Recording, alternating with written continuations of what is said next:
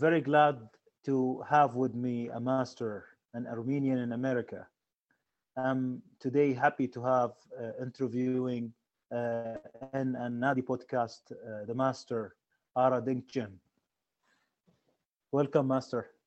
Fadil, I'm so happy to be here. Thank you for having me.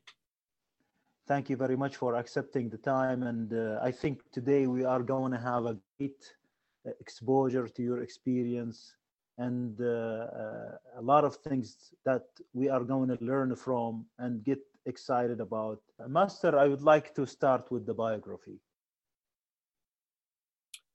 Well, yeah. sure. I was uh, born in 1958 in mm-hmm. uh, in New Jersey uh, to Armenian American parents. My my father was born in Paris.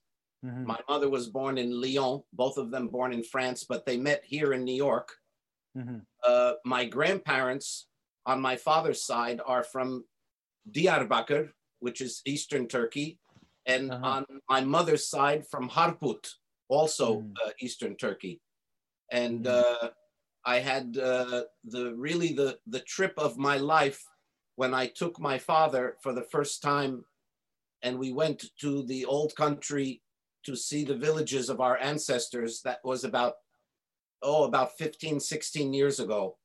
Uh, mm-hmm. since then, uh, not only we've been back a few times, but we've also performed there. Uh, my father being a very well-known uh, Armenian folk and liturgical singer. His name is Onnik Dinkjian. Mm-hmm. So that being the case, I, I was brought up in a very musical home. Mm-hmm. Um, I didn't know that homes were uh, any different. I thought everybody uh, woke up singing and, and playing instruments and went to bed like that also. So yeah. music was just part of, uh, of our language. And mm-hmm. uh, it seems that even, even as an infant, I was more interested in those sounds, if they were coming from the record or from the radio or from my father's mouth or from when we had people over and they would spontaneously start to sing. Or if we would go, let's say, for example, to a wedding, hmm. all my parents had to do is put my little baby carriage next to the band. And for the next six hours, I would be okay. Just leave me alone. Let me watch the, the magic that was happening as I was trying to understand what is this and how can I become a part of that world? Uh, mm. It was really, Fadil, nothing that I ever chose. It seems mm. that uh, I was programmed for this. And mm. I'm, I'm very grateful. I am now 62 years old and I wake up every morning anxious to hear something I haven't heard before uh, mm. or or to learn something new or or to write a piece that I haven't written before or in other words my hunger is still there which started as an infant. Interesting interesting. Uh, I would like to expand more on the biography. If we go for the way you started with the music instruments uh, at home uh, to be an Armenian in the States. Yes, uh, the part about being Armenian is is really all encompassing, and I say that because, hmm. again, before I was aware or conscious, it seems that all of our uh, friends, all of of course relatives, but everybody that we associated with was part of that Armenian American community. Hmm. Um, a, a, lot of it centered around the church. My father uh, is a deacon, which means he served on the altar singing the, the religious music. And when I was 13, I became the church organist and mm. continued that post for over 45 years. Wow. Uh, so the, reli- the religious music, uh, actually, to be honest, mm. any sound, any mm. music mm. was fascinating to me and I wanted to be part of it. Uh, yes. So, uh, yeah, I started as a little child banging on the table. Mm. And uh, my mother even told me that when I was a little boy in church, if they were singing a religious chant that had a rhythm, I would mm. start to bang on the, the chair. And my mother would tell me, you know, you cannot do that. You cannot do that, you know. Uh, so they they got me a little darbuka Mm. as my first instrument. Mhm. um, and that was really the beginning. Uh, I wanted, I wanted every instrument. It didn't matter whether it was uh, Eastern or Western. It didn't matter Mm. if it was a string, a percussion, a wind, or a keyboard. I I wanted to explore everything. Uh, Mhm. My parents, uh, to their eternal credit, Mm. uh, bought a piano, uh, Mm. bought me a guitar. Uh, uh, I started to take clarinet lessons in the school, uh, Mhm. And it just went on and on. But the most impactful Mm. uh, instrument story in my life was Mm. that when I was about five or six years old, Mm. my parents explained to me that I could go anywhere in the house Mhm. except into their bedroom. And why? Because there was an oud in the bedroom. And they warned me it's a very delicate instrument and Mm. you cannot touch that. You can touch anything else in the house, but you cannot touch that. Yeah. It seems, uh, I don't know if they did that intentionally or what, but you know, child psychology. You tell a child you cannot touch that. That's the only thing they want to touch. So of course I became very curious. You know, what is this thing I'm not allowed to touch? And the truth is, I I remember as a five or six year old running into the room once hmm. and plucking one string and running out, hoping I would hmm. not get caught. I did not get caught. So maybe a week later, I became a little more brave and I plucked two or three strings, you know, and listened. Well, as months and years went by, I became hmm. more and more brave. My mother would be sewing in the living room. My father would be at work. He doesn't come home until six o'clock. Mm. After a few years, I'm sitting on my parents' bedroom floor. I have the oud in my hand and I'm starting to figure out some things slowly. Mm. Yeah. Well, one day my father came home at 4:30. Wow. Unexpected. Unexpected. I did not realize he was in the room listening to me. When he Hmm. walked in, his first reaction was, "What are you doing? I told you." Oh, you're playing? Mm. He saw that I was respecting the instrument and Mm. and I had achieved something. hmm and uh, I guess that's how I, I escaped become uh, being punished for not Mhm. having listened to them. And from then on, I was allowed to uh, play the oud, and this became uh, the, a fascination with me that continues to this day. Yes. But how, how did you come to learn the oud on your own? Did you did you had a chance to to meet a teacher or maybe get some help or support like your father? Yeah, um, you know, the, the the answer to the question, Fadil, uh, it, Mm. it depends on on who you are and what you believe in, and I Mhm. say that because I'm not taking credit Mm. for for what I have achieved because, like I said before, it seemed to have been programmed in me. Mhm. Um, no, I did not have a formal teacher. Mm. Uh, but at the same time, I can tell you that everything I heard and every record and even the birds singing out outside and and the Mm. windshield wipers on the car making a certain beat and uh, virtually everything is my teacher.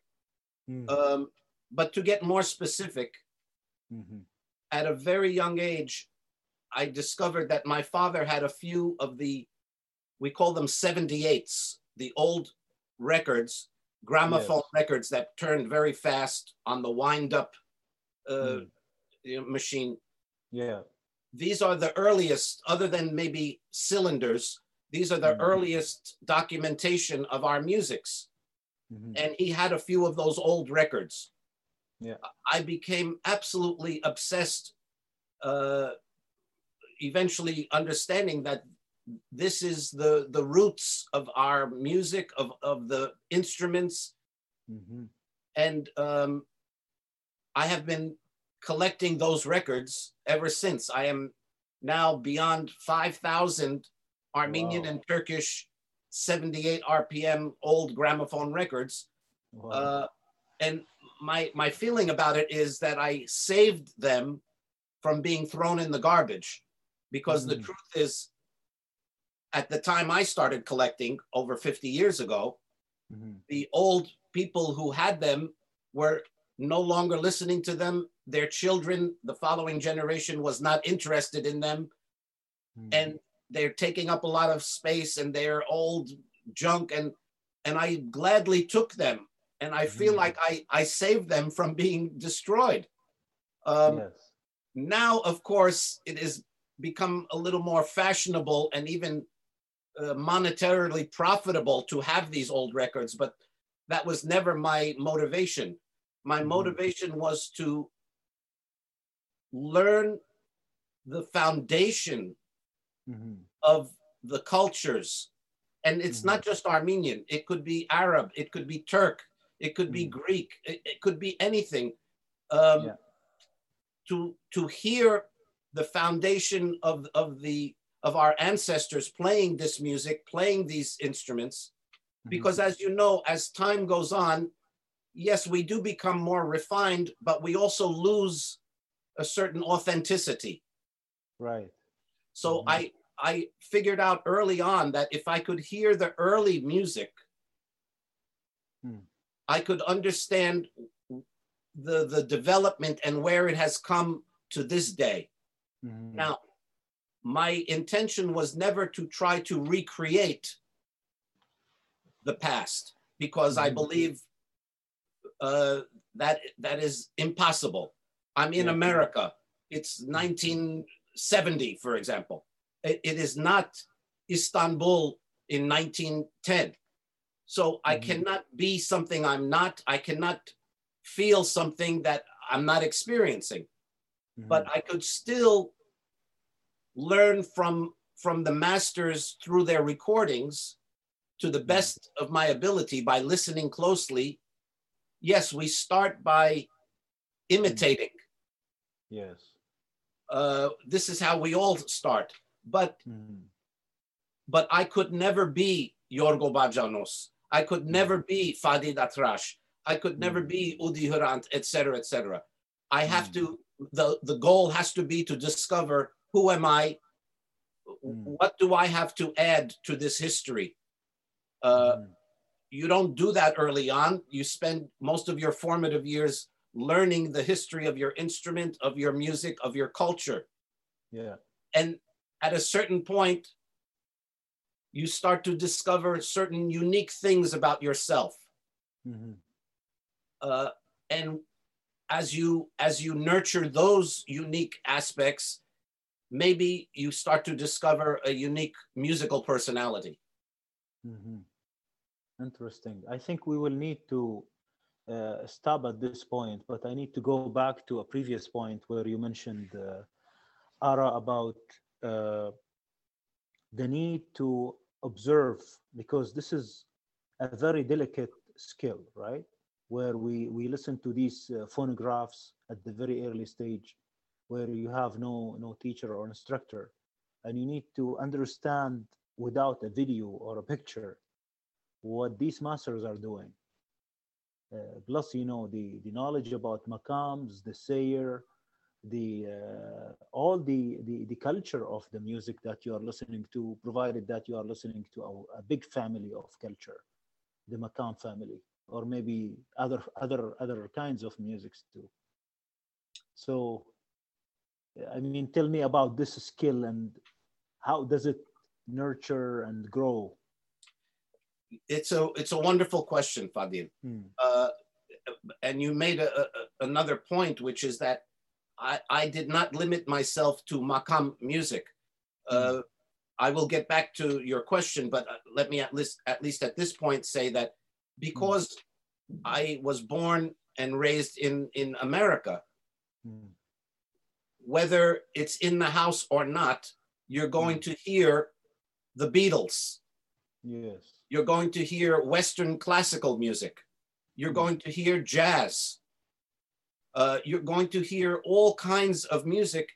And I, I never differentiated uh, between them. Yeah. To me, it was all a sonic wonderland that I wanted to, to be part of. I, I did not uh, make categories. To me, it was Mm. just music. Mhm. Um, to return to your question regarding how does one learn without a teacher or how does one observe? yeah. I have always felt that the musician's job is not to play, Mhm. but it is to hear what most people don't hear. Mm.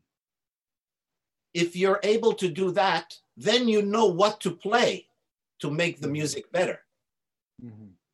The ability to play in tune or to play fast or to play loud or slow or whatever is a technical ability but if you don't put it in its best context in the music that's happening Mhm. then you're not improving that musical moment Right. um, and and this may sound strange but i'll give you an example of what one of the ways that i realized this in Mhm. america there was a tv show about two policemen that would drive their police car uh, looking for any trouble Mhm. that they can fix and whenever they saw trouble immediately they would take their radio and tell the home base we are between 32nd and 33rd street Mhm. and there's a fire we're going in Mhm. I was always impressed that at every moment they knew exactly where they were Mhm. now as a musician as we're playing let's say there's four or five musicians and we're all playing Yeah. at any moment, you should be able to stop me and ask me right now, what is the kanun playing? Mhm. And I should be able to tell you he's he's trilling in the upper register. Mhm. Okay, what is the violin doing? The violin was not playing just now. Mm. In other words, you have to be aware of what is happening so that you know what to play. In Mhm. other words, to hear what most people don't hear. I Mhm. believe this is the job of the musicians. Once Yeah. you once you hear this, maybe the best thing for you to do is not play anything at all. Or Mhm. maybe the best thing for you to do is play in the low register because nobody's playing down there right now. We Mhm. need that bottom, Yeah. uh, et cetera, et cetera. So Mhm. this is how I I began to train myself regarding the old records and not having a teacher. Mm. It took a lot of time and imagination because sometimes, for example, the 78, Mm. we say 78 RPM revolutions per minute. Yeah. That Mm. was not a standard speed Mm. until the late 20s, which Mm. means if you have an earlier record, it the proper playback speed might be 72 or Mhm. 86. So I'll be listening and the oud is in B flat Wait. And I would be confused. Mhm. Uh, so I had to start to hear these things, understand these things that, oh, maybe there's a technical issue. Uh, Mhm. But eventually you start to hear, well, he, he's playing an open string and it's B flat. So either he tuned higher or Mm. the speed is incorrect. So you, yeah. there's, there's universes to learn, you know, yes. Yes. it's, it's Yeah. endless. Um, Mhm. And I'm trying to figure out which string is he playing, which fingers could he be using, Mm. how is he using his risha, his mizrab, uh, to Mm. pick that phrase. Uh, Mm. and you know what? I'm still trying to uh, find those answers. You know. Interesting. And uh, uh, Ara, uh, you, you mentioned about the first years, maybe, or a decade or two. The musician has to learn the history of the instrument, learning about his instrument, music, and so on, till he discovers himself. Would you please, uh, you know, clarify and uh, describe the process of discovering oneself? Well, you know, when I said a musician has to do that, what I mm. what I really meant was this is what I believe. Of course, mm. There are musicians who are not interested in the past. Uh, mm-hmm. They're born with talent and and they move forward from the point where they are. Uh, I'm just telling you my own philosophy, my own approach. Mm-hmm. Um, I want to move my instrument, my culture, and my music forward just a little bit forward. Mm-hmm. But before I do that, I have to know its history because mm-hmm. maybe somebody already did this, what I'm doing. Right. Or or maybe this is breaking all of the rules mm-hmm. and therefore it is not a direct line. Mm. It is not a, a, a logical uh, transition to the next mm-hmm. step. So I, I personally want to be aware of all of those things. Mm-hmm. Um, and you know, I, I I once tried to teach my children to trust what seemed right to them. Mm. Either uh, I, I, if you find that girl pretty, my son, mm. and nobody else does, that's hmm. okay. Mm. You you think she's pretty, then she's pretty. Trust. Mm-hmm. Uh, my daughter, you don't like that food. You don't have to eat it. That's you don't like it. Okay, you have to trust that that is not part of your diet. Mm-hmm. The same way as a musician, you you can. I personally, and please don't misunderstand. Please don't mm-hmm. misunderstand. I don't ask other people their opinion about mm. a particular song of mine or of a, a performance of mine. Mm-hmm. I don't ask because if I ask 10 people, I will get 10 different answers. And what does that do for me other than confuse me? Mm-hmm. I have to trust what I hear and what I feel. This is part of discovering who you are. As a matter of fact, when I started uh, my first band, which was called Night Ark, mm-hmm. my father, who is my my hero and my idol, not only musically but as a human being, he's my mm-hmm. uh, he's my example. Mm-hmm. He said, "What is this music you're doing? What is this mm-hmm. jazz, maz? You know, you don't blend those things. This does not belong. You should okay." But I did it because without thinking too much, this is what I felt. Hmm.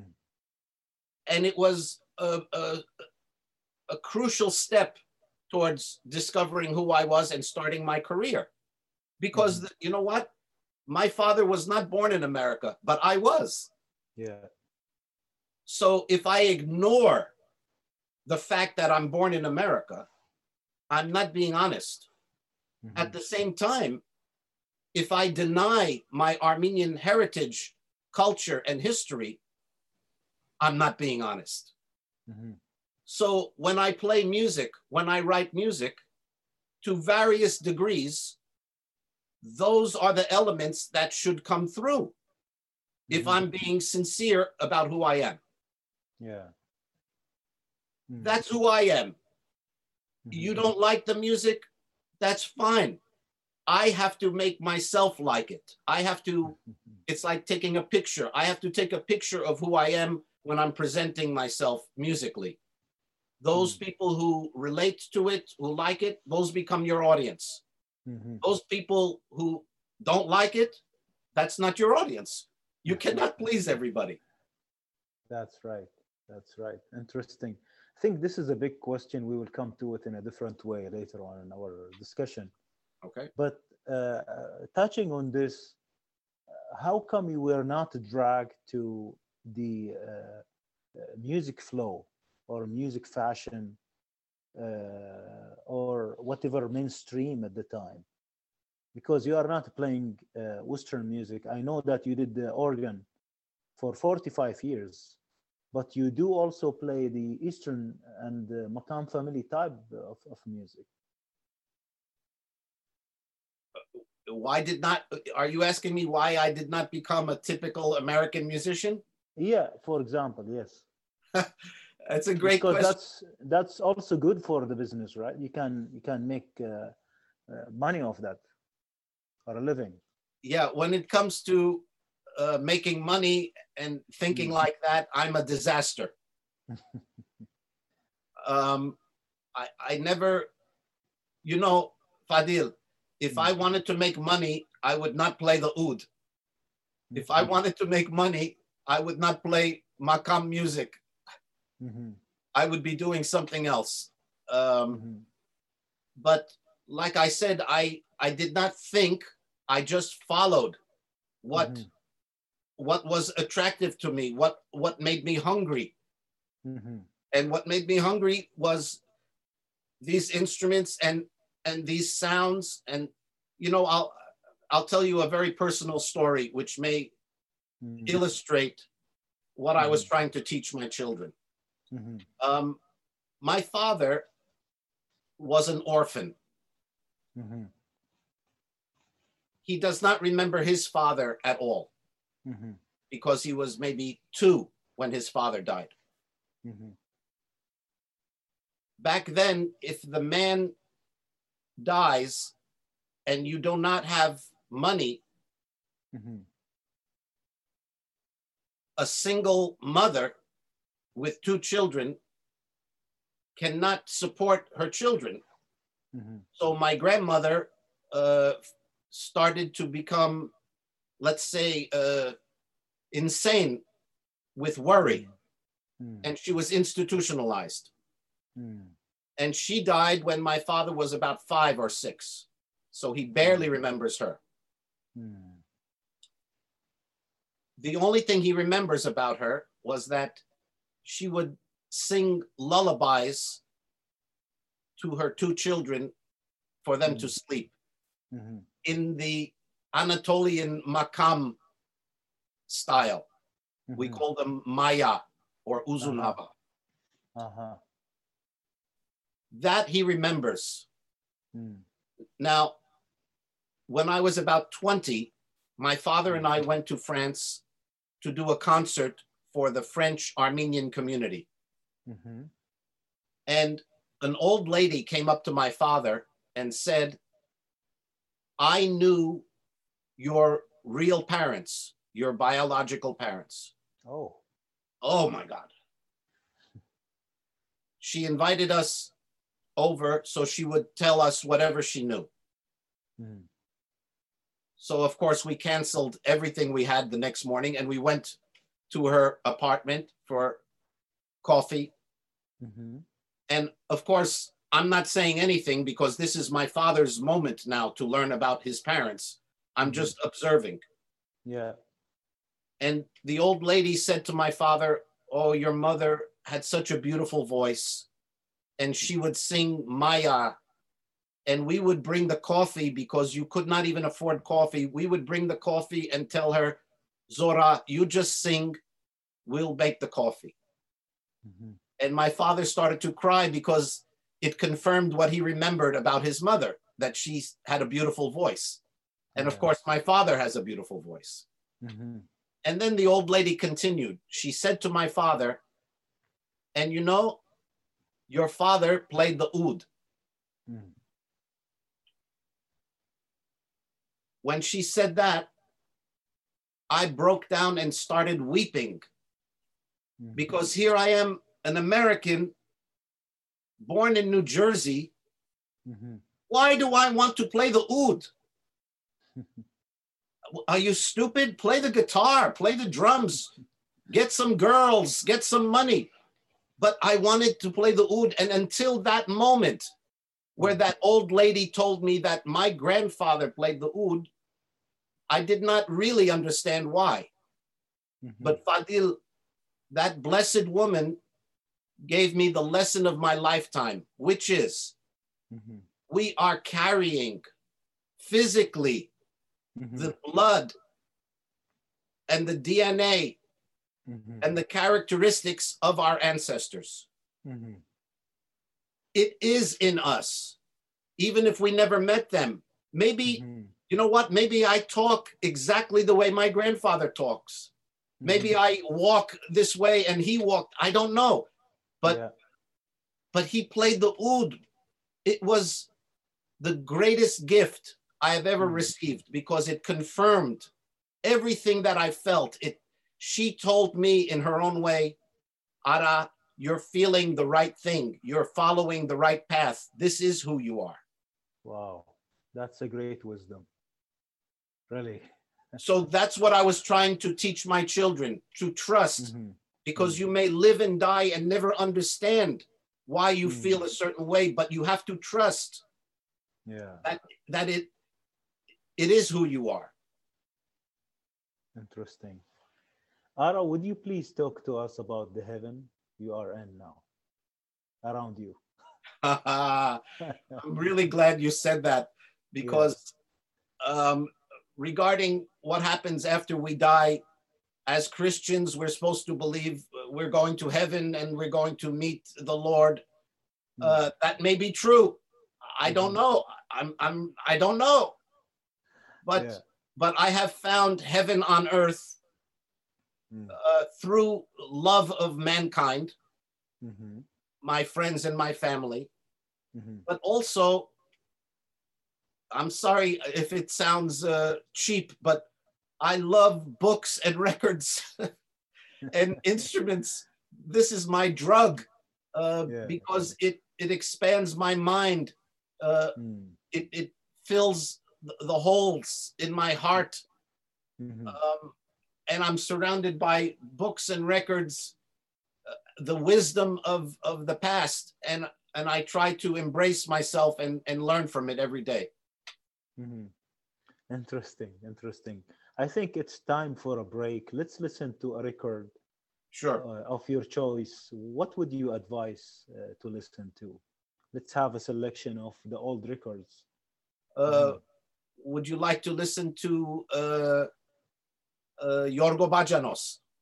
Mhm. All right, listen to Yorgo Bacanos then. Okay. Yeah.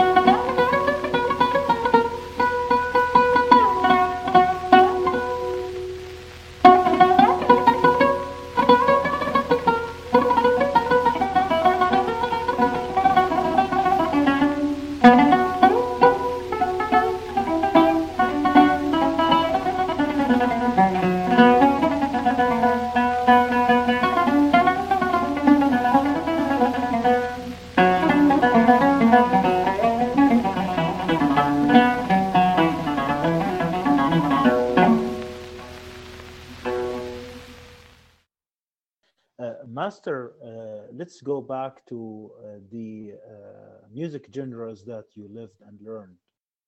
Let's just give an insight about them and then also touch on the various instruments you played. Mm-hmm. Well, like I said, I, I growing up, I, I never hmm. divided or categorized the genres of music. Um, that's really more of a, a marketing uh, device so they know how to sell it, how to market it. And musicians have always rejected those categorizations, by the way, always. Mm-hmm. As a matter of fact, the great Duke Ellington said, My music is not jazz. And they said, Well, what is it? He said, It's my music. Oh. yeah. Uh, and by saying that, he's allowing himself to bring mm-hmm. in blues or gospel or classical or anything, and it still is his music. And I feel mm-hmm. very much that way. Uh, mm-hmm. America is is a very interesting and unique place because, as you know, uh, it's inhabited by people from around the world. Mm-hmm. So it has an incredible diversity of cultures. Mm-hmm. And I, I hope one day you come to my home, Fadil. You're, you're invited and you're welcome. So I show you my record collection, although I do concentrate on Armenian and Turkish because that's my ancestry. Mm-hmm. Believe me, you will see records from virtually every country in the world. I would love to, really. Yeah. including uh, bird songs, wolf songs, mm. songs of the whales in the ocean. Mm-hmm. And I even have a record of Marcel Marceau, who was the silent mime. Oh. The record is 19 minutes of silence and two minutes of applause.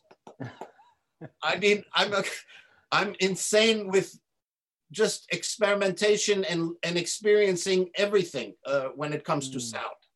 Uh, mm-hmm. It's all for me very very interesting. Mm-hmm. These are like archaeological sound evidences, uh, Ara, where we are not worried about uh, you know an understanding of some music that maybe we don't have any trace of. We can just pl- plug it in or just put it on and, and play it and, and hear history hear the way they move uh, the way they pluck the tuning of the instrument everything. This is something so delicious and so you know like a big obsession. I mean the, the way you went on to, to, to this level of, of collection to maybe wake up every day and look for a new record. Maybe tell us about this. Yes um, my my routine these days is i wake up i pour myself a coffee and i mm-hmm. go to ebay on the mm-hmm. computer looking for something i've never heard before mm-hmm. um, but you know i'd like to make another point fadil which mm. which is more important than amassing a, a big collection yeah. uh, and the point is this this the process of music the ex, experiencing music mm. is what ties us all together as humanity mm-hmm. it's been going on since the beginning of time mm-hmm. and it's one of our i don't know if I should say it this way, but it's it's one of our only hopes hmm. when when we find ways to to divide each other or to uh, to uh, define how we're different. Music mm-hmm. is one of those things that reminds us of what it means to be human. Mm-hmm. And in that way, it's, I believe, one of our most precious gifts because I can hear somebody play a couple of notes and it touches my heart and they're mm-hmm. on the other side of the world yes. and and they're touching me they're mm-hmm. they're reaching out and holding my hand and I with my ears I'm going back to them and mm-hmm. uh, actually it's look it's what brought you and I together yes Uh, I don't know you, and yet Mm. we're sitting here very comfortable and very trusting of each other, and we Mhm. have music to thank Mhm. for for bringing us together. yeah. Uh, it, it is really it really is a precious gift, and Mhm. I think I had mentioned to you Mm. there are there have been times in history, and there have been certain cultures where to be a musician Mhm. is a derogatory, low class designation. There are even uh, uh, negative words to describe musicians Mhm. in certain cultures. yes Uh, m- maybe I'm naive, but I'm extremely proud to be part of a great history of, of musicians. I'm Mhm. not putting myself at their level necessarily. I'm Mhm. just saying, whether we like it or not, we're the ones who are live today with our instruments in our hand. Mhm. And I'm very proud because it is a unifying force. Mhm. Yeah, so true. Uh, what about uh, uh, the community in New York, the music community? Let's talk about it, you know, from uh, the time you started being a musician.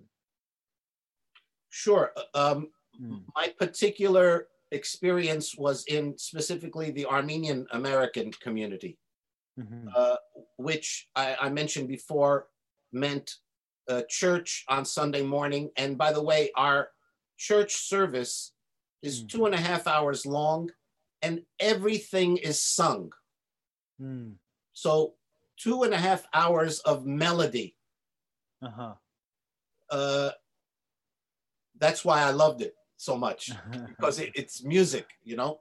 yeah. Uh, we also had uh, folk dance groups, both Mhm. children and adults, where we Mhm. would wear the ancient costumes of the villages of our ancestors, and Mhm. we would recreate the folk dances from each of the villages, Mhm.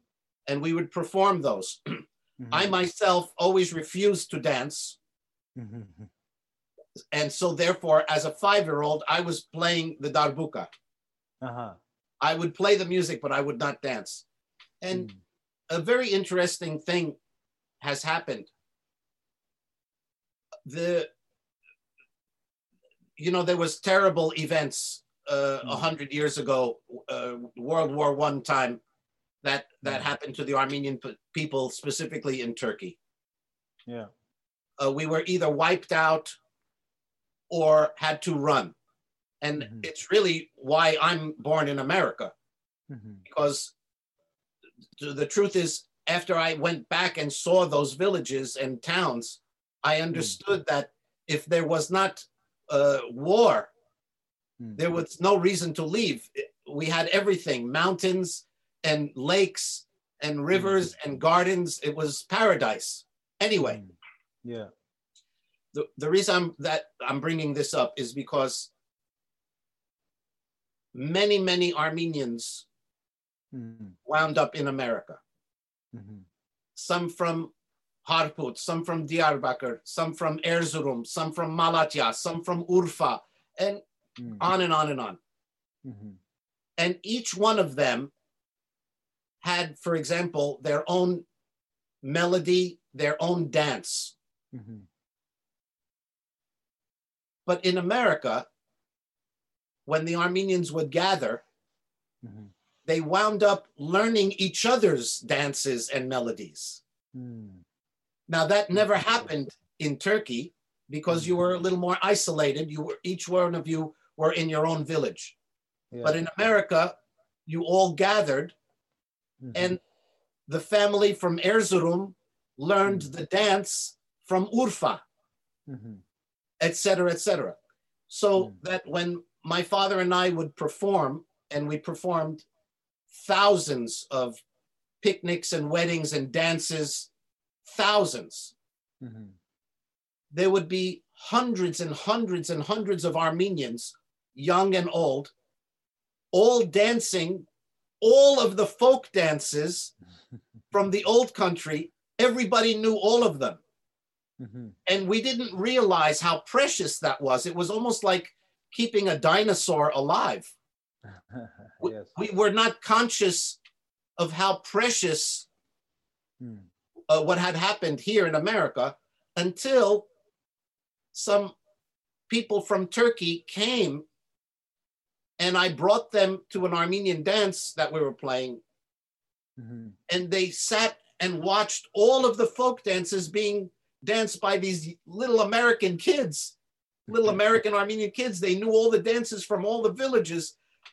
And those people made us realize that what we had done was actually so precious because they're they're lost over there. But we kept them alive here, not intentionally, not culturally, oh, we must keep it alive. No, Mhm. they just got together, let's let's do our dances, you know. Mhm. So the Armenian American community was and remains very strong Till uh, today. still today still today Mm. um my my i have three kids they are the Mm. light of my life Mm. uh one of them is married to an armenian the other uh, and she, by the way she made me a grandfather of twin boys uh, Congrats. thank you so much Yeah. Uh, my my other daughter is engaged uh, to an Armenian, and my son is going out with an Armenian. So uh, the the community remains strong. The the language, the food, the music, the history, the literature, Mm. the architecture. Uh, yeah. We're we're very proud and fortunate. Mhm. Interesting. That uh, actually leads me to another question, uh, Ara, which is the connection with the great masters of uh, Armenia, composers and musicians. Uh, how, how is that felt from your perspective today? I have to make the the distinction. Mm. The Armenian masters of of music Mm. there are I, I- don't like to make categories but Mm. because my ancestors are from what today is called turkey Yeah. i can tell you that there are many uh, the crucial master composers and musicians we know this from history from the old records from the old books the compositions that are still being performed today uh, Mhm. in most cases, the language is Turkey because that's where they were living. Mhm. And yet the composers were Armenians. There are also Greek composers and Arab and Jew and you name it. And of Yeah. course, of course, Turkish. Mm.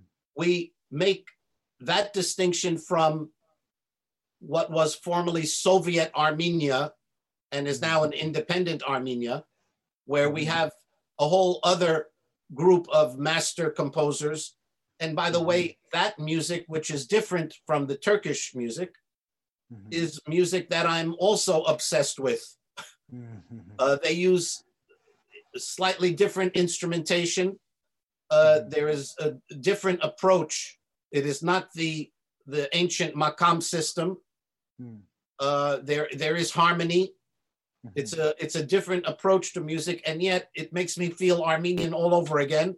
So there are kind of two two schools of Armenian masters, uh, Mm. both schools of which I am a student. Can you name some, Master? Yes, for example, uh, in Turkey, we have Tateos Effendi, Yeah. And I know every Arab who loves music has heard that name. For sure. His, his sasemais and his peshrevs and some of his Mm. sharka are still being played today. Yes. Yes, uh, and we're still learning from them. Yeah. Uh, one of my absolute favorite composers, uh, Armenian named Bimen Shen. Mhm. His real last name was Der Ghazarian, but Mm. a- another great, great composer. And there are Mhm. so many more from, from Turkey. Mhm. Um, when we talk about Armenian composers, we must mention Gomidas Vartabed. Mhm. Mhm. This is, uh, he was an ethnomusicologist. He was a celibate priest. Uh, He was a composer. Uh, he was uh, a musician. He was a choral leader. Mm. Uh, he went throughout Turkey and trans and recorded and transcribed the folk songs. Uh, he is the Armenian pillar of, of composers. Um, probably the most important. We also have Sayat Nova, who was a minstrel, a troubadour, an ashuk. Mm. Yes. Uh, these are all, you know, part of our foundation. Mhm. You've heard some of these names? Yes, for sure. Wow. Not everyone, though. Not everyone. I'm sure there are too many. Yes, yes. Well, Yeah. I'm just so happy to see you acknowledging. That's great. Yes, yes, yes. Uh, Ara, uh, uh, one question here is about language versus music.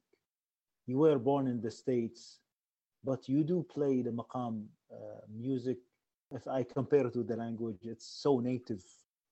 Uh, do we learn the language in the same way we learn music, or or what? Or do you link it back to genes and uh, ancestry, being a descendant uh, from the Armenian uh, tree or trunk?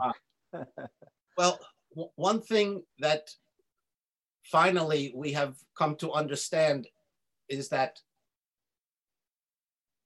children are capable of learning many languages. Mhm. There was a time in America, I don't know Mm. about the rest of the world. I don't know. Maybe you can tell me. But in America, in the 1950s, for example, 1960s, Mhm. the teachers were telling the parents do not speak your native language to your children. Mhm. They have to learn English and it will confuse them. Mm. Well, this was terrible, terrible advice, wrong Mm. advice, Mhm. because they have proven that the brain of a child can Mm. learn many languages. Mhm. the older we get, the more difficult it is to learn Yeah. new languages. So your Mhm. time to learn languages in a very natural, unconscious way is Mhm. between one and five. Mhm. Speak all the languages. This is my advice. So now I tie that into music. Mm. I believe if I've accomplished anything, one of my great advantages was that there was so much music in the house as a baby. Yeah.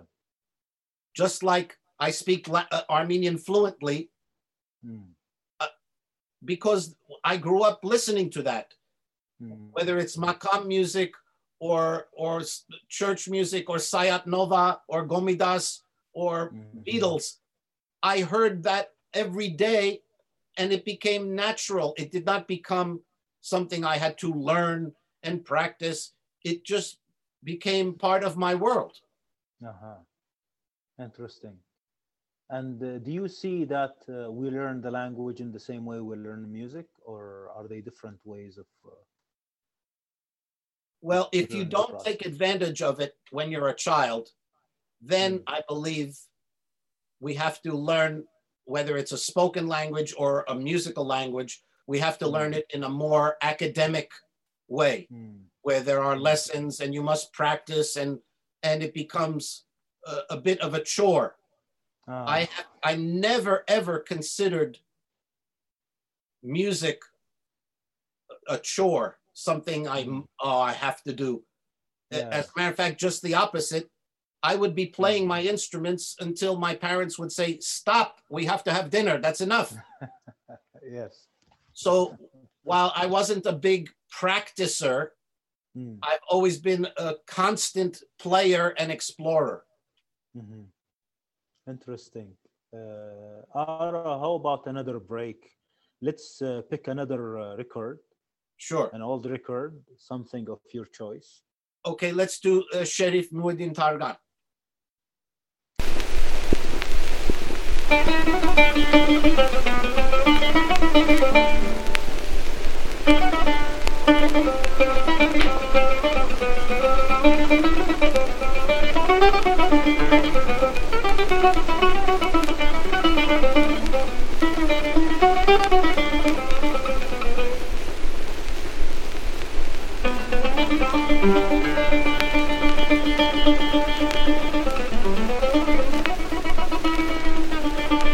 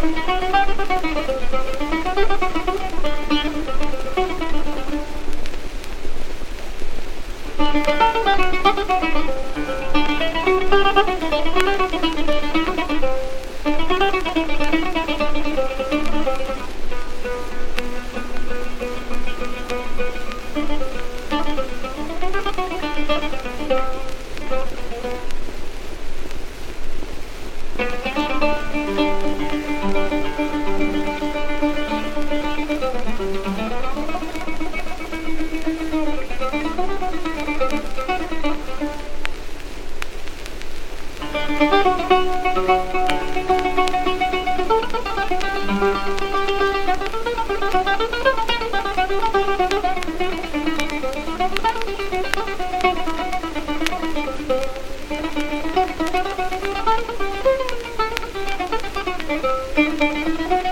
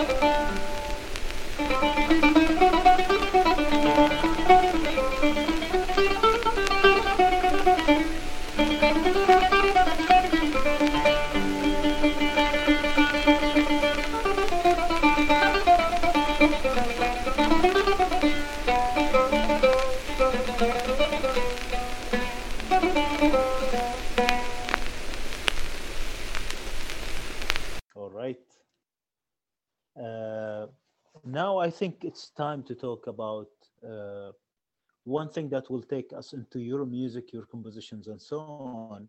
Uh, having all this opposition with old records uh, might give an impression that you are an old-fashioned or maybe uh, like an imitator, like you mentioned in the beginning. But when we listen to your music, it's, it's so connected to the past, but it is today's. How is that?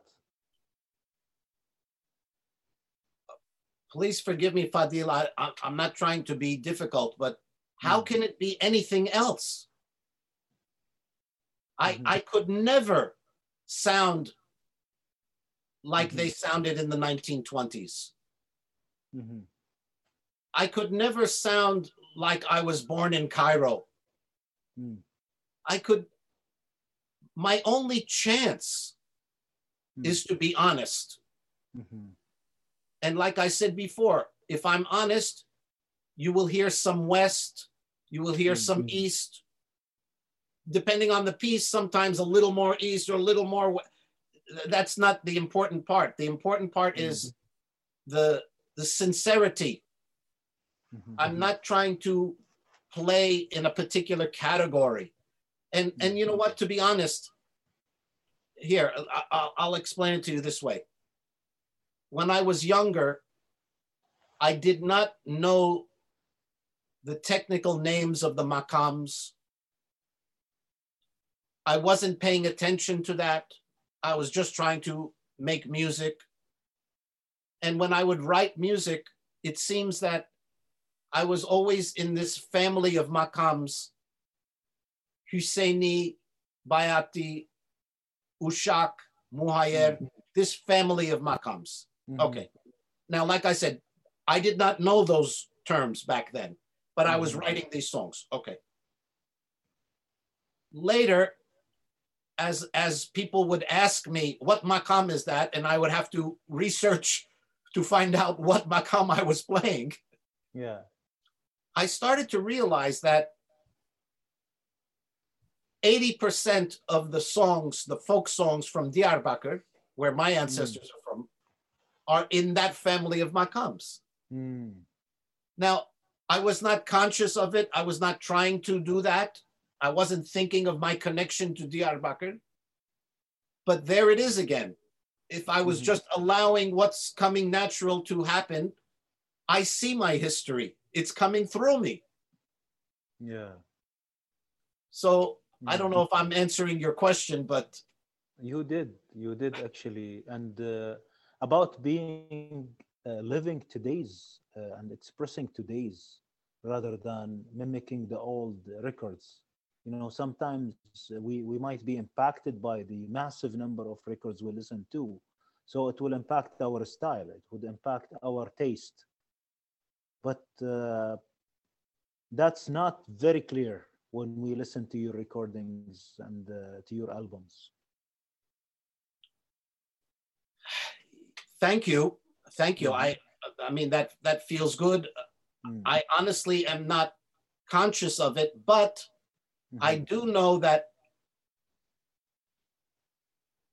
when it comes time, well, first first comes the the uh, the writing Mhm. process, and if I can tell you about that, Mm. the only time the writing is really something that makes me happy Mm. is when I'm more of an observer Mm. rather than in control. Because when I'm in control, then I'm using my brain and I'm thinking, should it go to this note or should it go to that note? And right there, it becomes a calculation instead of an Mhm. inspiration. Mhm. But so help me, this is really the truth. My wife knows now in the middle of the night, if I turn on the light, Mhm. she knows not to ask me, What's the matter? Are you okay? Because in my dream, I heard a melody and I have Mhm. music paper next to my bed and Mhm. I will start to write it and then I will close the light and go back to sleep. Or I'm in the shower. Forgive me, Mhm. please. I'm in the shower. I'm washing and suddenly I hear this melody. Mhm. I stop the shower. I'm wet. I'm writing on the paper. The paper's getting wet, but I want to quickly write it before I forget it. Mhm. Fadil, can I at that moment say, Oh, I am the great creator of this melody? Mhm. Or, Wow, something came. Mhm. Where did it come from? I will allow the, the listener of this interview to decide Mhm. for themselves. You could Yeah. say it's coming from God. It's Mhm. coming from your ancestors. It's coming from you. It's coming from the I don't know. Mhm. But but when it when it comes without warning, I remember I was with my wife. We were in a museum and we Mhm. were looking at paintings. Mhm. And suddenly I heard something and I ran to the guard and I said, Do you have a piece of paper? Mm. What? Do you have a piece of paper, please? Okay. Oh, he gives me, and I, Mhm. you never know. You never know when it's going to come. Yeah. Uh, now, that said, there are times where you might be commissioned to write Mhm. something Mhm. and you can sit there and wait for inspiration. And if time is running out, you have to force yourself. Yeah. Now, I'm a I'm a musician, I'm a composer. I know how to force myself to write something, Mhm. but they're rarely something that I'm really, really happy with afterwards. I can tell it was a bit of a calculation. Mhm. Yeah. Uh, Ara, you once told me that uh, composition is nothing but finding music rather than putting down music on paper or, or what we call composing. Yes, uh, one of my CDs is called Finding Songs, as a as opposed to writing or creating songs. Okay. Mhm. And I say finding because when they come, you know that the, it's right, Mhm. as if they have always existed Mhm. and you found them. Mhm. They don't need to be changed. You heard it, it came. It's, it's hard to take credit for something like that. Mhm. So I say, I found it. So you need to keep watching and keep listening and waiting for it to come rather than just uh, engineering a piece or maybe altering what it comes to you, right? I think uh, it's sort of like uh, I, I, hope this is not an inappropriate analogy, but hmm. when you're a young person and you're wondering when am I going to meet my wife? Mm-hmm. How am I going to meet my wife? Yeah. My advice to my children was you you cannot predict or plan it, but you have to mm-hmm. remain open. Mm-hmm. You have to remain available to when that person comes into your life. It's the same thing with music. I'm not sitting waiting, you know, for the melody to come, but doesn't matter where I am. When it comes, I know I cannot interrupt that moment because mm-hmm. it might not come again for a long time. True. So we, we stay tuned then as yes, musicians. exactly. Exactly right. Exactly right. Interesting. Uh, Ara, what would you pick from your own music to listen to with our audience? Well, let's start with a picture, hmm. uh, which is a piece that came to me hmm. many, many years ago and has been recorded in about a dozen different languages. Hmm. And I say that not not to call attention to myself, but more to call attention to the power and universa- universality of mm-hmm. music mm-hmm. that diverse cultures can hear a melody and feel human mm-hmm. and this is this is one example on this mm-hmm. piece i'm playing an instrument called a jumbush mm. not oud yeah and if i may tell you the story of this please um, I had written that piece and I was making my first record with Night Ark. And it was for RCA Records, a big multinational mm. company. Yeah. In the best studios in New York with the best engineers and the best microphones and producers and okay. Mm-hmm. And we made the whole record and I had that song and I played it on the oud and I was not happy. And the engineer said, What's wrong? It sounds good. I said, I think this is a special song and it needs something special. And we did not get it. He said, All right, well, tomorrow we can try again. I said, Okay. I went back to my apartment and I looked in my closet and there was this instrument there that this Armenian lady had given to me. Her husband had died. Mm and she gave me this it looked like a fretless banjo i didn't know what it was mm-hmm. and i had never played it mm-hmm. and it was in the closet and i took it and i tuned it up and i took it to the studio and i played that song and that's that's what i was looking for the interesting thing is mm-hmm. the jumbush is really like a poor man's oud. Mm. Uh, it's a relatively inexpensive instrument, not mm. particularly well made, not very respected. Mm-hmm. But I didn't know any of those things. Mm-hmm. And here I am in RCA studios, incredible microphone. I mean, the Jumbush was never treated with such respect. and they yes. got such a beautiful sound and that recording was released around the world because RCA is released everywhere. Mm. And eventually, the Jumbush company in Istanbul called me up mm-hmm. and asked me to send them a picture of myself signed, you know, because they said that their sales are going crazy. Now, all the oud players are also playing Jumbush. See, sometimes ignorance is the best thing. I did not know that that's not a very high class instrument, you know. Yeah. I just thought it sounded beautiful. And and and there you go. So uh, it was a great experience. Interesting. We will listen to it now. Great.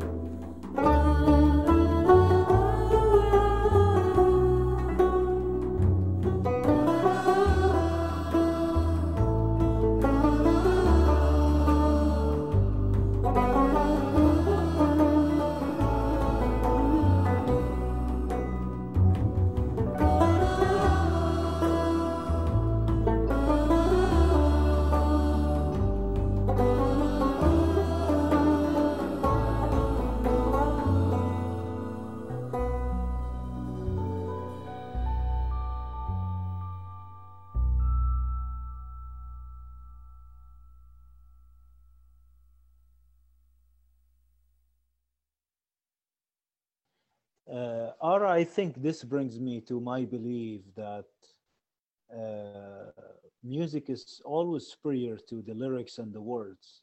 And this is an example that we listen to now, where you have a piece being uh, sung in 12 languages, which means whatever the lyrics used, the melody is always uh, superior. And uh, another evidence is, uh, is maybe the opera, where it is uh, sung, but nobody knows what's being sung, maybe for the Right. generation. Right. H- How do you see that? Yes, I, I do believe that uh, language, spoken or sung language, can Hmm. be a wall.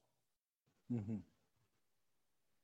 Um, if if we use it that way, it can be something that separates us.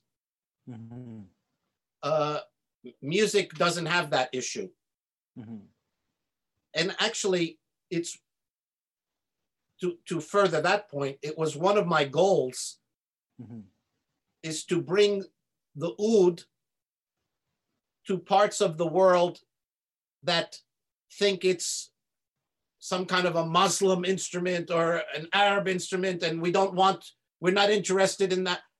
I wanted to bring the fact that there is no there's no limitation to any instrument. There's only Mhm. limitations of the human being. Mhm. And that's why on my first Night Ark record, I also recorded a Beatles song, Blackbird, Mm. because I thought if they listen to the Beatles song, but an oud playing the melody, Mhm. Now we can get them. Now they like the sound of the instrument. Who who doesn't like the sound of that instrument? Come on. so it was actually one of my goals is to uh, make the the beauty of these instruments more universal. The Arab world, the Turkish world, the Armenian world, the Greek world, we know these instruments. It's not nothing new. For that Mhm. part of the world, I wanted to bring the sense of harmonic, Western harmonic color to the makam system. Mhm. Because as you know, traditionally, makam music does not have harmony. Right. Harmony is a Western European uh, concept. Yes. Well, I'm born in America. Harmony is part of, of how I grew up. How do you bring harmony to Mhm. microtonal makam music without offending either one? Yes. This has been uh, my my work, Mhm. trying to enhance both, bring harmonic color to the makam system, bring microtonal music to harmony. Yeah. um, eh, this this is this is one of my ultimate goals to Mhm. make the instruments uh, more loved by people who don't know them. Uh, Mhm. Certainly, to bring the time signatures Mm. that are unique to our world to the rest of the world, and to blend blend, but in a way that enhances both. You know, Mhm. in the 1950s, there was Yehudi Menuhin and Ravi Shankar, East Mhm. meets West, you know, and yes. they would take turns playing and then the other one would play. And then it was a beautiful meeting of cultures, but it did not create something new. It was just very polite. Okay, now you play. Okay, now I'll play. Yes. I wanted to I wanted to blend and and create another another uh, possibility Mhm. that these cultures can mix, but to do that, you have to be respectful and aware of both. Yeah. Mhm. I'm I don't like when a Middle Eastern traditional folk player says, "I'm going to play jazz now." You cannot just play jazz. You have to study jazz. Yeah. Mhm. And I don't like when a rock player says, I'm going to play some microtonal modal music. No, Mhm. you have to study that, you know, you have to Yeah. know about it before you do it. Mhm. Anyway, Interesting. Uh, how about another uh, selection from your work, Master? Sure. Um, oh, for Alexis. For Alexis. Okay, we'll listen to it. Can you tell us about it a bit? Sure. Um, I had a uh, Assyrian friend call me, and he said that his daughter plays violin, but she wants to learn the oud. Mm. So I went over to her house.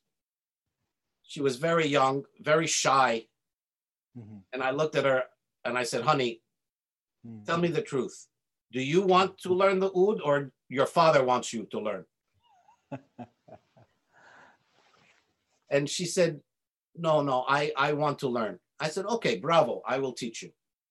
Mhm. Because she already read music and played violin, which is fretless, I thought, Oh, this is going to be fine. Mhm. I gave her a very simple piece. I showed her where the notes lie on the fingerboard of the oud. Mhm. I came back the following week and she played it perfectly.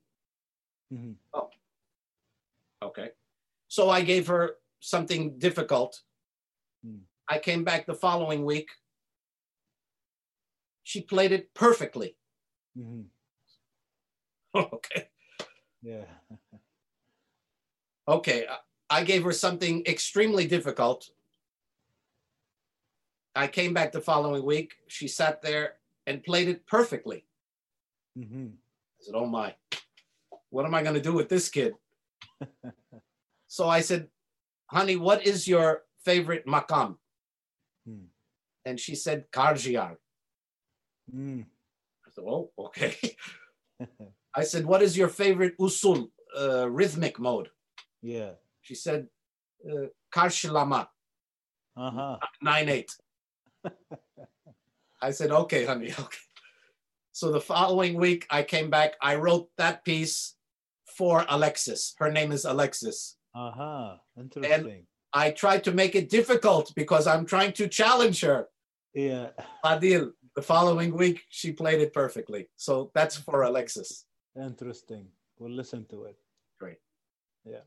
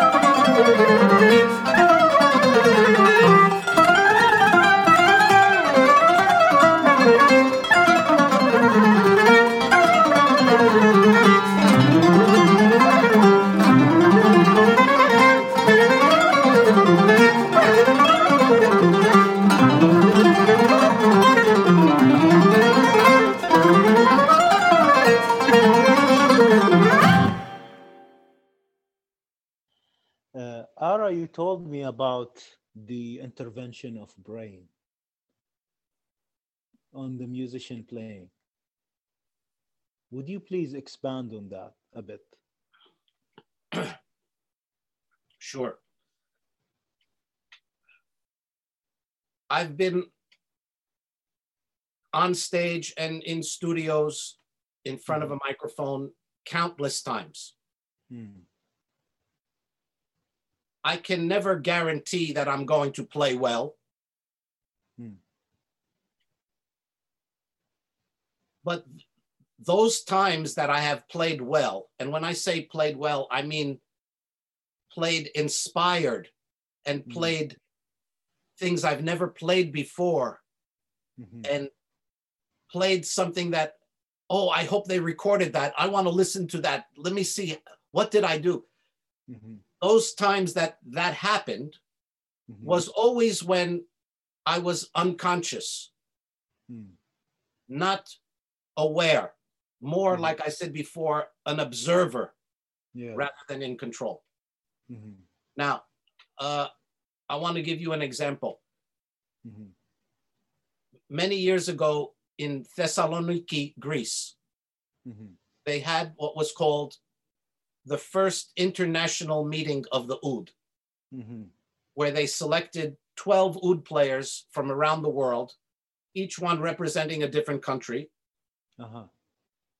for three days of solo recitals and master classes, Mhm. which meant four solo oud players each night for three nights. Mhm.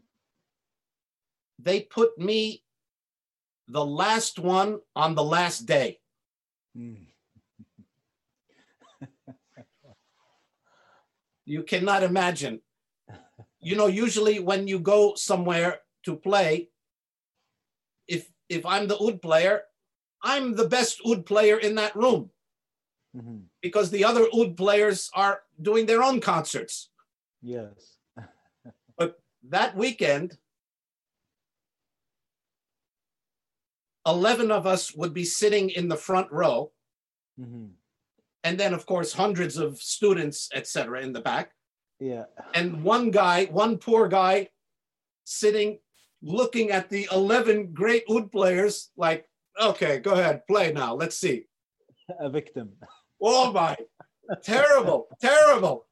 And they put me on last, on the Mhm. last day. Mhm. Now, I have never asked God to help me with something like that. Mhm. I only ask God to help people who need help. Yeah.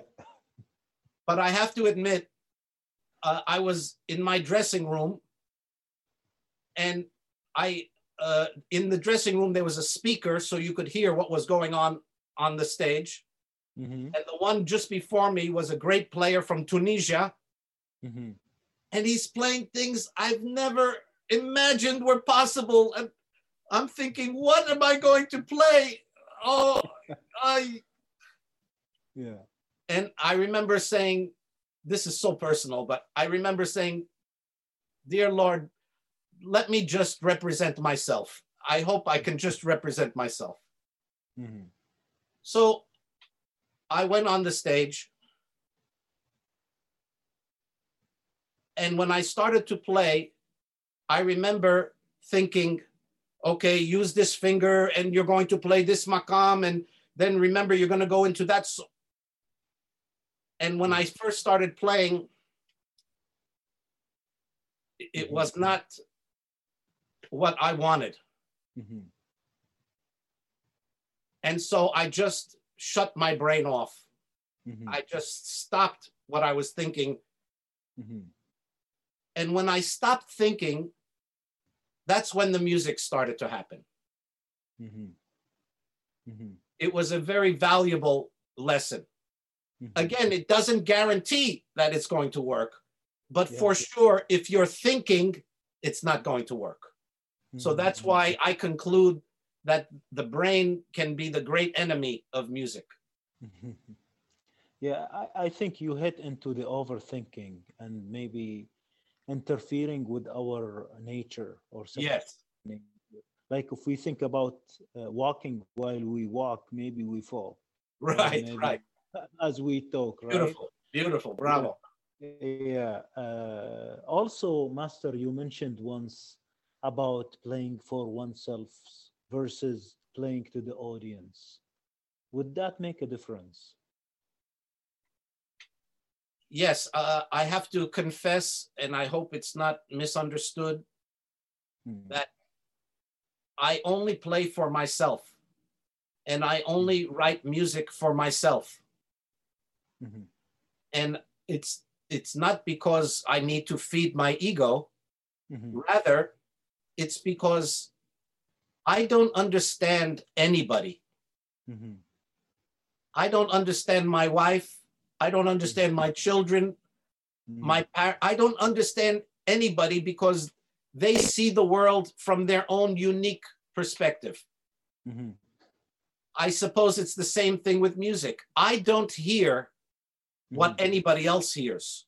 Mhm. It doesn't mean I'm right or wrong or that I hear better or worse. It's just I have a unique perspective on what I hear.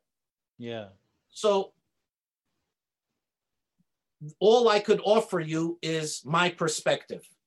If I try to understand what you want to hear, I'm going to become confused and not know what to do. So I play for myself.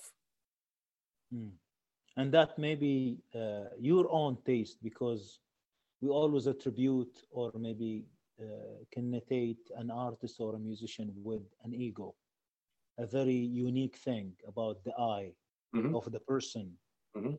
And uh, maybe the liking of the person or the liking of that ego, that particular artist, will automatically, uh, you know, communicate to the audience. Yes. Yes. Mhm. Yes. Maybe I'm saying it close to what you are trying to. Yes, Yeah. you are. I mean, like I said, we Mm. we present we no we offer Mm. who we are. Yes, yes. yes. Musically. Interesting. Interesting. It's just an offer. You Mhm, you like it, you don't like it, but this is it. mhm.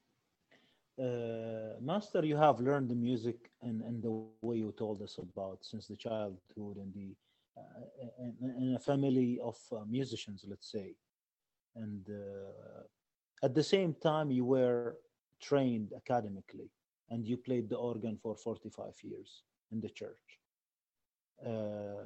Can we say that the academia is not doing any good for the musicians today or the other way around from your experience? I I would not go as far as saying that. Uh, and and actually, I will tell you a story about my own academic life, which I Mhm. I hope you'll find interesting. Um, Mm, you know, in the earlier days, uh, there was no school for jazz, certainly no school for Middle Eastern music, for sure, in this country. yes. But now, with the advent of uh, technology and internet, and I mean, we can learn anything at any time. Mm, And uh, I, I don't like to critique mm, uh, people or or systems, but mm, because for me it's so important to discover your unique personality not only in music but in life i would just caution those who concentrate on academia mm, to remember that the goal is not to achieve a certain technical level mm, but rather to discover who you are. Mhm, and at times academia does not have that priority. Mm, and maybe it's too much to ask of them mhm, because if there are 30 students how can you concentrate on 30 different you know uh, mm, personalities and trying to have them each discover their you maybe it's too much to ask but That's why the, the individual should, I believe, should remember that as being the ultimate goal. Mhm. Now, when it was time for me to go to university after I graduated high school, Mhm. of course, I wanted to go to a music conservatory. Mhm. Well, my parents, who are very supportive and loving, of course, were concerned about what are you going to do with your life? Okay, you go to a conservatory. What are you going to study? You're playing the oud. Mm. It's a classical, Western classical concert. What are you going to do? And then what, after you graduate, what are you going to do? How are you going to make a living? Mhm. Of course, typical musicians, we're not thinking of that. We're only concentrated on learning more music. Yeah. Well, my parents uh, agreed to allow me to audition to some really good Western classical conservatories. Mhm. What am I going to audition? I took piano lessons. Mhm. I was not, Fadil, I was not a classical pianist. Mm. but- I learned the very minimum to allow me to at least audition. Mhm. Now, don't ask me why. I still don't know why. Maybe it's fate, but I took my oud with me Mhm. to the audition. Maybe you know how the how the child sucks its thumb for comfort. Maybe that Yeah. was my my blanket, you know. Yeah. So anyway, I went into the room. There was the piano faculty sitting there, very serious, stern. Okay, play your Baroque piece. I started to play Mm. my little Bach something two part invention. You know, after three measures, they know. They stop. Okay. Okay, play your classical piece. I had a little Clementi sonatina. After two measures, stop. Do you have anything from the Romantic period? Yes, sir. I have uh, Chopin. Okay, play. Maybe one measure. Stop. It was terrible. They they they knew I'm not. So they asked me a very embarrassing question because your audition can be 20 minutes. After five minutes, I'm done. So, so they asked me, young man, why did you apply to audition here? Mhm. And I said, sir, music is my life. Mhm. I want to learn more music. Young man, what music is your life? Certainly not this music. Mhm. I said, no, sir, but my cultural music. And they saw that I had that weird shaped instrument. Yeah. They said, well, look, you have a few minutes. Why don't you just play for us? okay. Yeah. Fadil, this is like a, a fantasy story, but it's true. Mhm. I'm playing Taksim. I'm playing Taksim for these Western classical pianists. Which maqam? Yeah, you know, like Hijaz, I'm playing. now, the good part was they said to me, okay, yes, yes, you you have music in you. Mhm. And I said, I, I want to I want to learn more. I, I really want to okay. So I left and my parents asked me, how did it go? I said it was a disaster. Mhm. a month later i got the letter in the mail not only they accepted me but they gave me scholarship Wow. Mom dad i'm going to the conservatory Mhm. they said okay congratulations but we insist you major in music education Mhm. so you become a teacher so at least we know that you can make money Mhm. when you graduate Yeah. Okay, okay, okay. Fadil, after two weeks or three weeks of music education, I hated it. Mm. I did not want to teach or learn how to teach. I wanted to learn how to compose and to perform and to Yeah. learn the history. So Mm. I hope I'm not going on too long. It's it's actually an amazing story. It is a very interesting story. Please carry on. Okay. Yeah. I went to the dean's office, the president of the school. Mhm. I thanked them for accepting me because I was their little experiment. I was not the typical, actually, that university, it was it's called Hartt College of Music. They Mhm. their strong point is opera. Mm. So I was like one in a million experiment for them. They never did anything like this. Mhm. And I knew that and I thanked them. I said, thank you for allowing me to come here, but I hate music ed- education. And they said, hey, we took a big chance on you because I said, I want to leave. Mm. They said, no, no, no, no, no. What, what do you want to do? You know, Mhm. I want to study. I don't want to be a teacher. I want to be a composer. I want to be a player, you know, a performer. Yeah. This I don't believe ever happened in America. They said, okay, go back to your dormitory, write up a four year program, Mhm.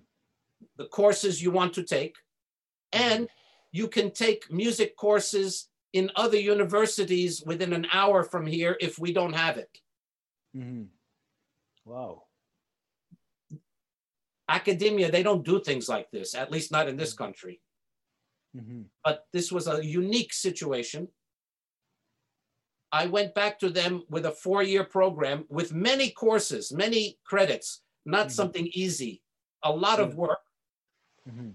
they accepted it Mhm. and put a new program in their computer oud major Oh. it's the first and only one in america Wow. Now, my senior recital, I played the oud. and I got a degree, not that they taught me. I did all independent study, of course. Mhm. Of course, I, I composed and I, you know, I did my my compositions and my performances.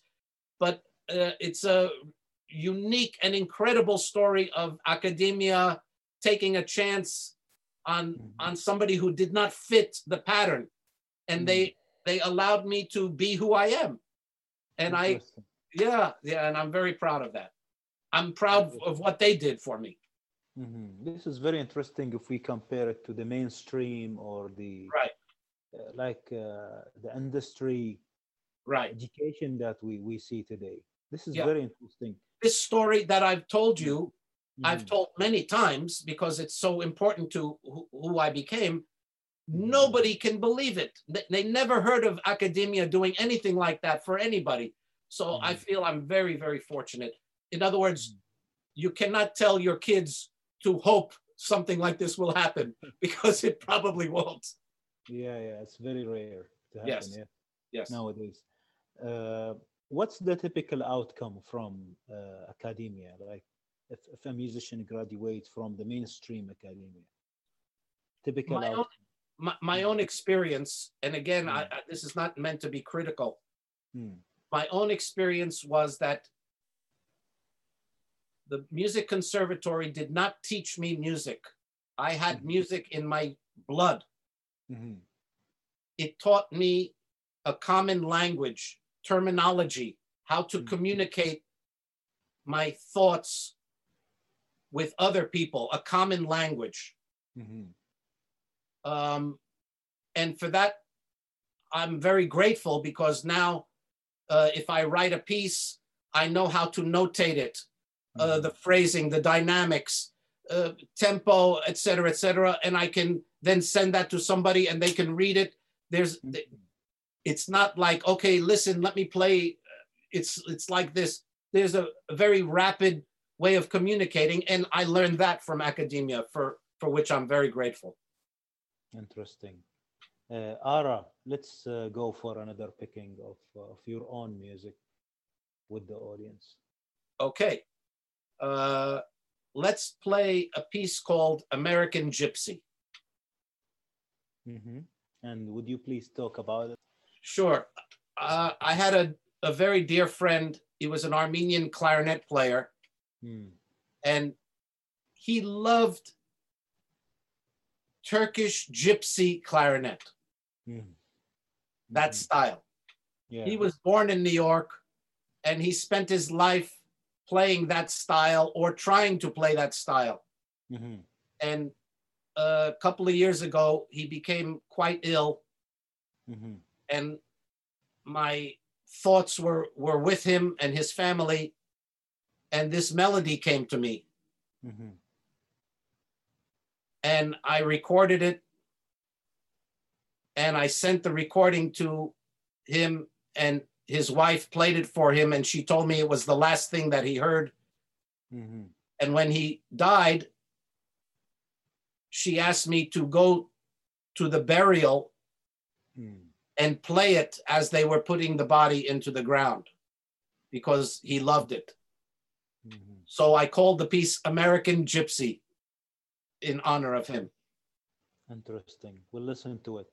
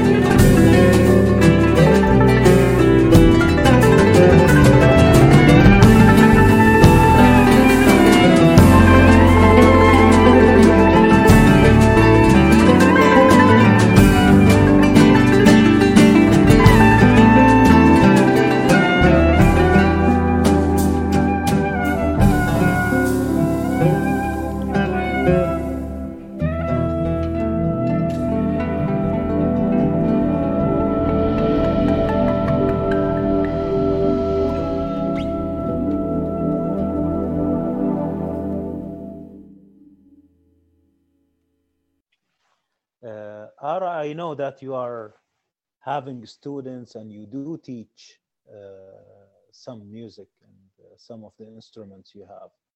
So let's talk about this experience. Let's talk about students, about what you teach them, and so on. Sure.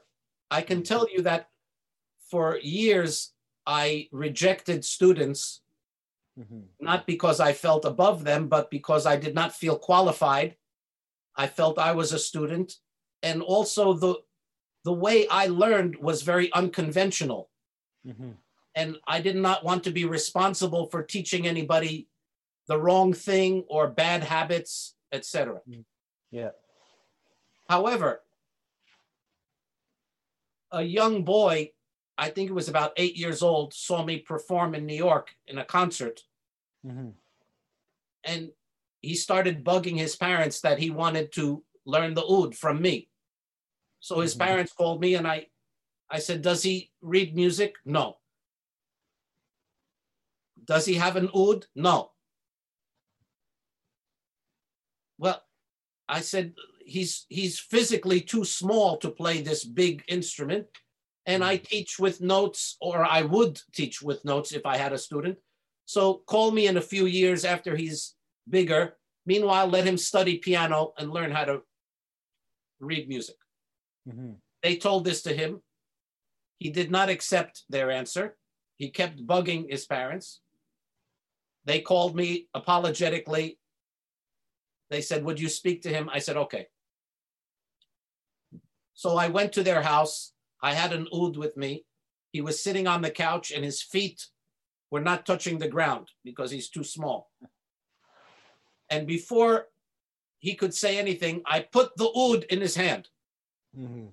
I wanted him to see that this is too big for him. But instead of him being uncomfortable, he took it and he looked at me and said, Okay, what do I do? I said, Oh boy. He really wanted it. And you know, Fadil, when I looked at him, he reminded me of myself when Mhm. I was a little boy. Nothing was going to stop him. Music Yeah. was, was in him already. Yeah. We can either nurture that or we can suppress it. Mm.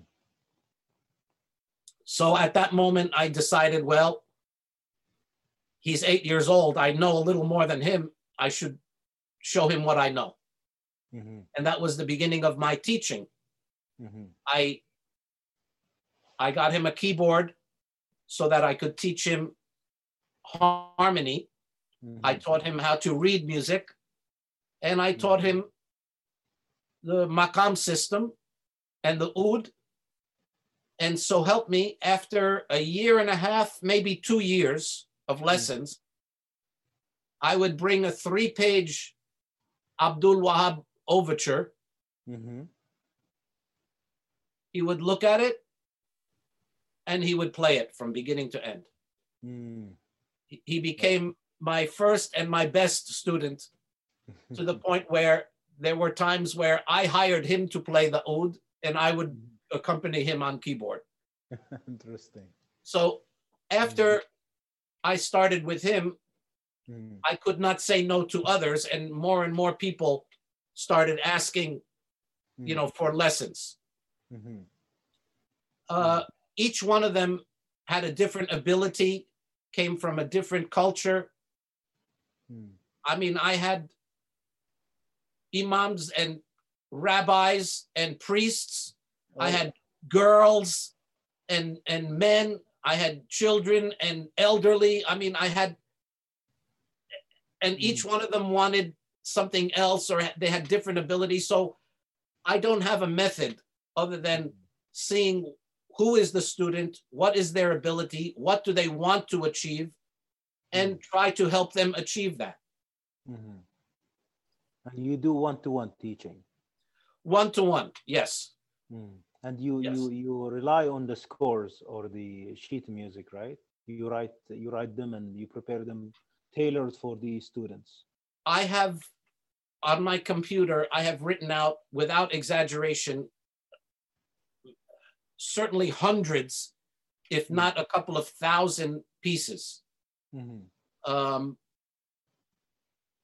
not not my pieces, but like of the uh, makam uh, classical repertoire Mm. and and folk repertoire and and everything. Um, Mhm. And my my method is to, if there's a recording of the composer Mm. playing the piece, Mhm. that's what I transcribe with the assumption that the composer knows the correct way it should be played.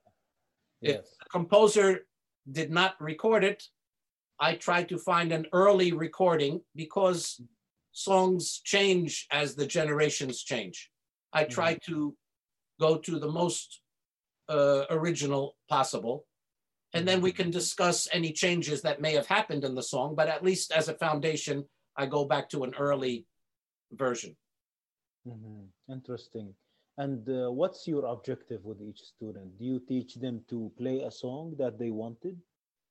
Or do you infect them with the principles of, uh, you know, uh, owning their own individuality, understanding themselves, whatever you described earlier today?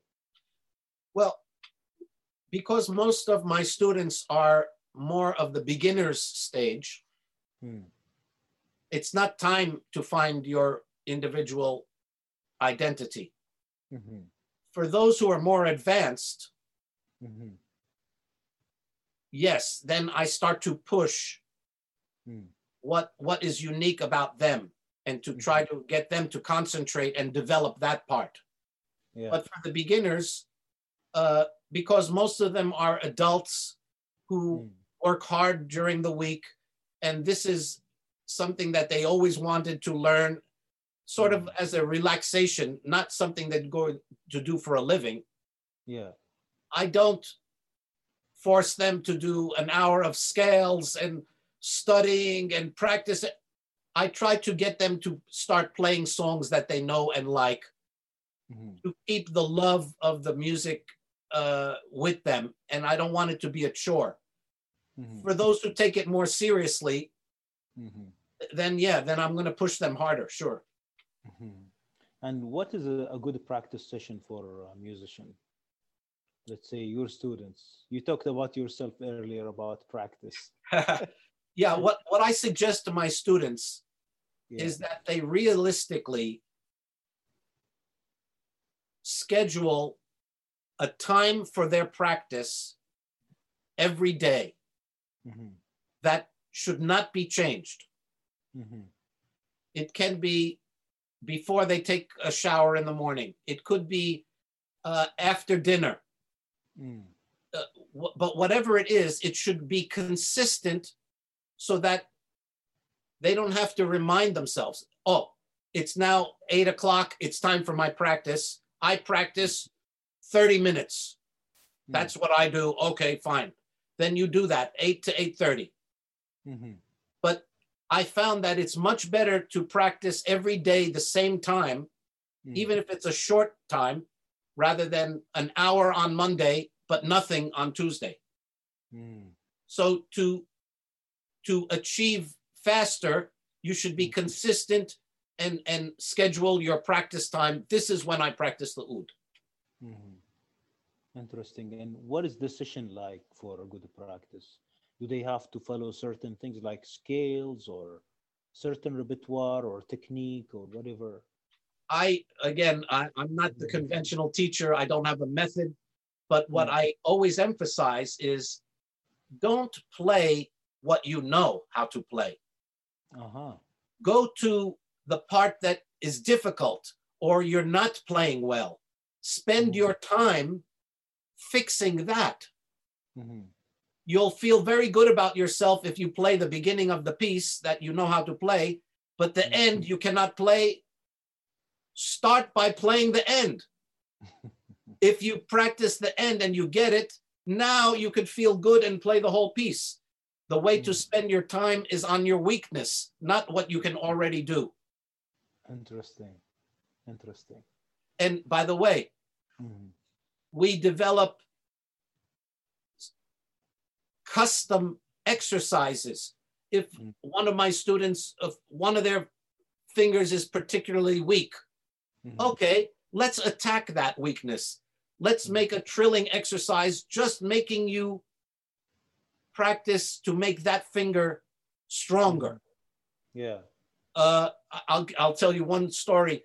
When I was uh, preparing for my auditions at the university, and I was Mhm. studying with a very strict German piano teacher, Mhm.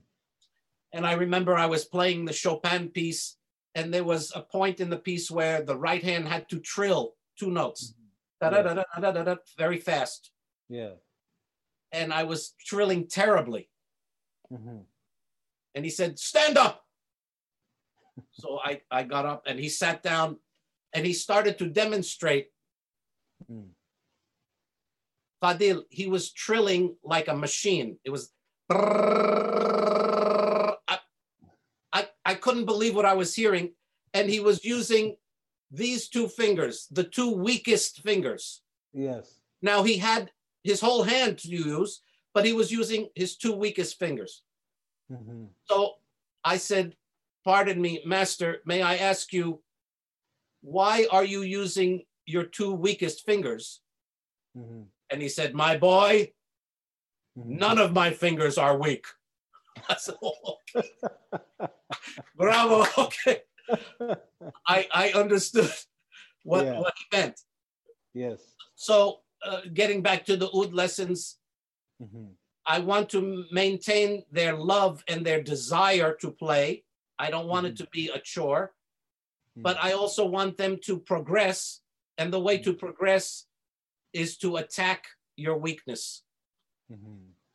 Interesting. Master, uh, your way of learning the oud and uh, the Eastern uh, kind of instruments was never been under an official teacher or instructor. And uh, you told me once that people might criticize you for the way you hold the oud or the postures and so on, while we just hear a beautiful sound, beautiful execution. Well, yes, I Mm. like I said, because I didn't have the teacher, I'm Mhm. not holding the pick correctly. I'm not sitting properly. I'm crossing my legs. Oh, what is that? I'm using the wrong fingers. I'm using my thumb. Uh, all of these things are taboo. Yes. But you know what? I, I, I will share with you a, Mm. story. Mhm. There is the, the great jazz trumpet player, Louis Armstrong. Mhm. Have you heard this name?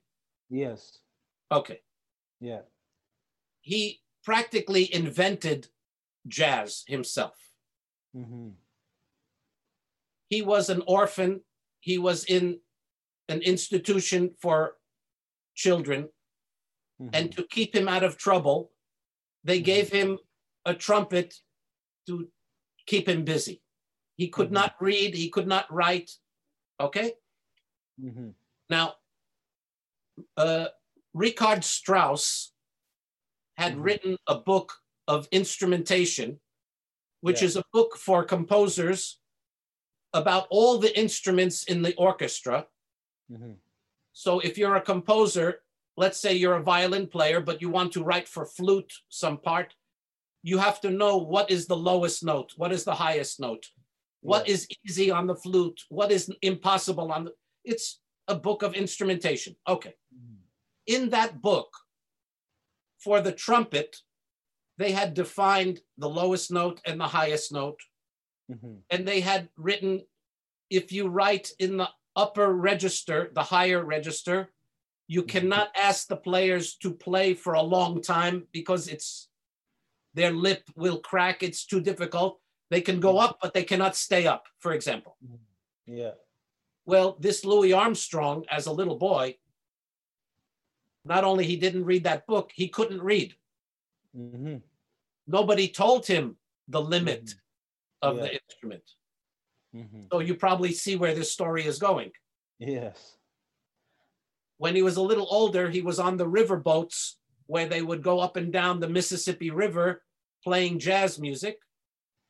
And he was playing all night in the upper register and an octave higher that wasn't in the Richard Strauss book. Yeah.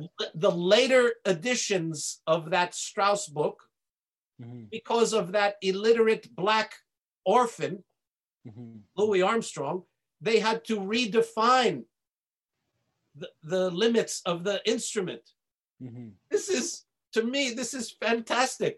Yes. If, if you're not taught what you cannot do, maybe you just do it. Yes. And maybe that's the case with the old masters before uh, we get into uh, institutionalized, uh, you know, thought process or education or so on. Uh, you know, the, the way we hold the pick or the way we hold the violin or maybe Yes. the kemenche Yes, is whatever experience led the, Yes. the player or the musician. yes, yes, But- yes. Later on, these are conveniences or maybe conventions, Right, right, right. or maybe we call them a, a sort of convention wisdom. But it Right, doesn't right. mean that we have to stick to it because our hands are different sizes, right, Right. Master? But- but all- you're- and so on. Yeah. But your teacher should allow you to explore what Mhm. seems natural to you. Yeah, Ara, I think uh, the oud is, is calling. So can we hear some Dawood playing? I would be very happy, very happy. Thank you. Thank you. Yes.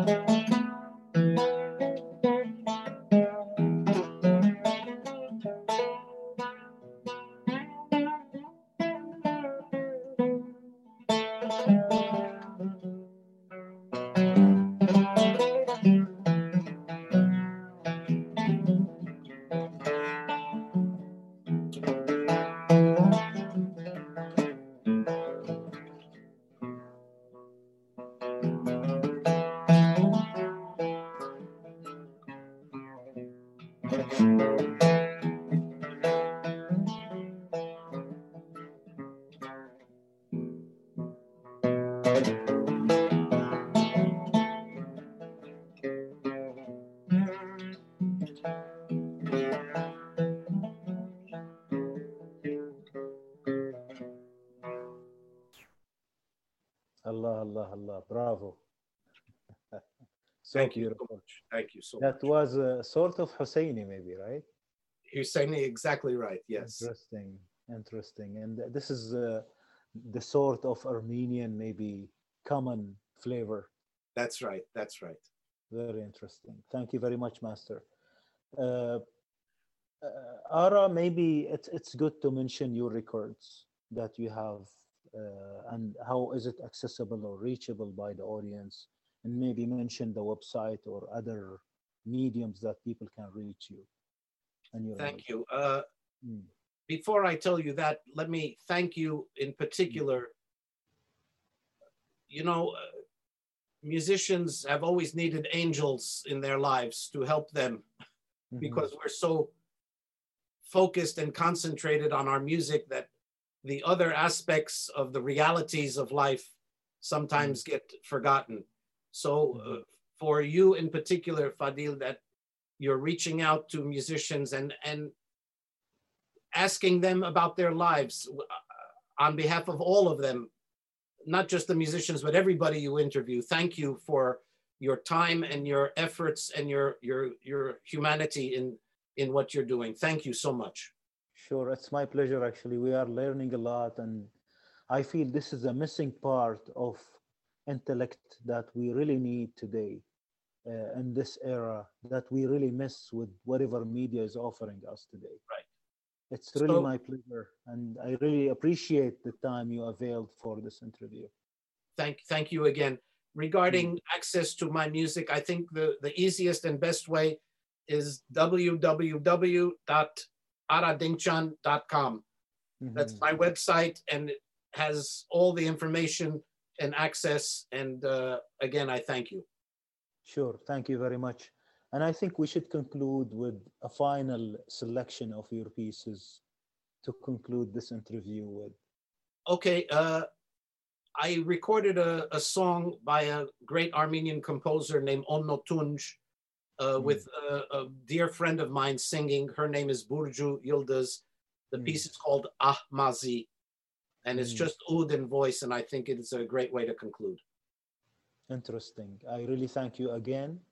We will listen to it, and uh, thank you again for your time. It's really a great time. We we had a pleasure of, of, of seeing your wisdom and experience. We have a lot of things that we discussed that really triggers a lot of interesting insight. Thank you very Thank much. You. Thank you again, Fadil. Best wishes. Yeah, we'll see you soon again. Thank you. Kaldırımlara sümbüylü bir yağmur inerdi ve tiz bir kadın sesinde bir devir inlerdi. Müzik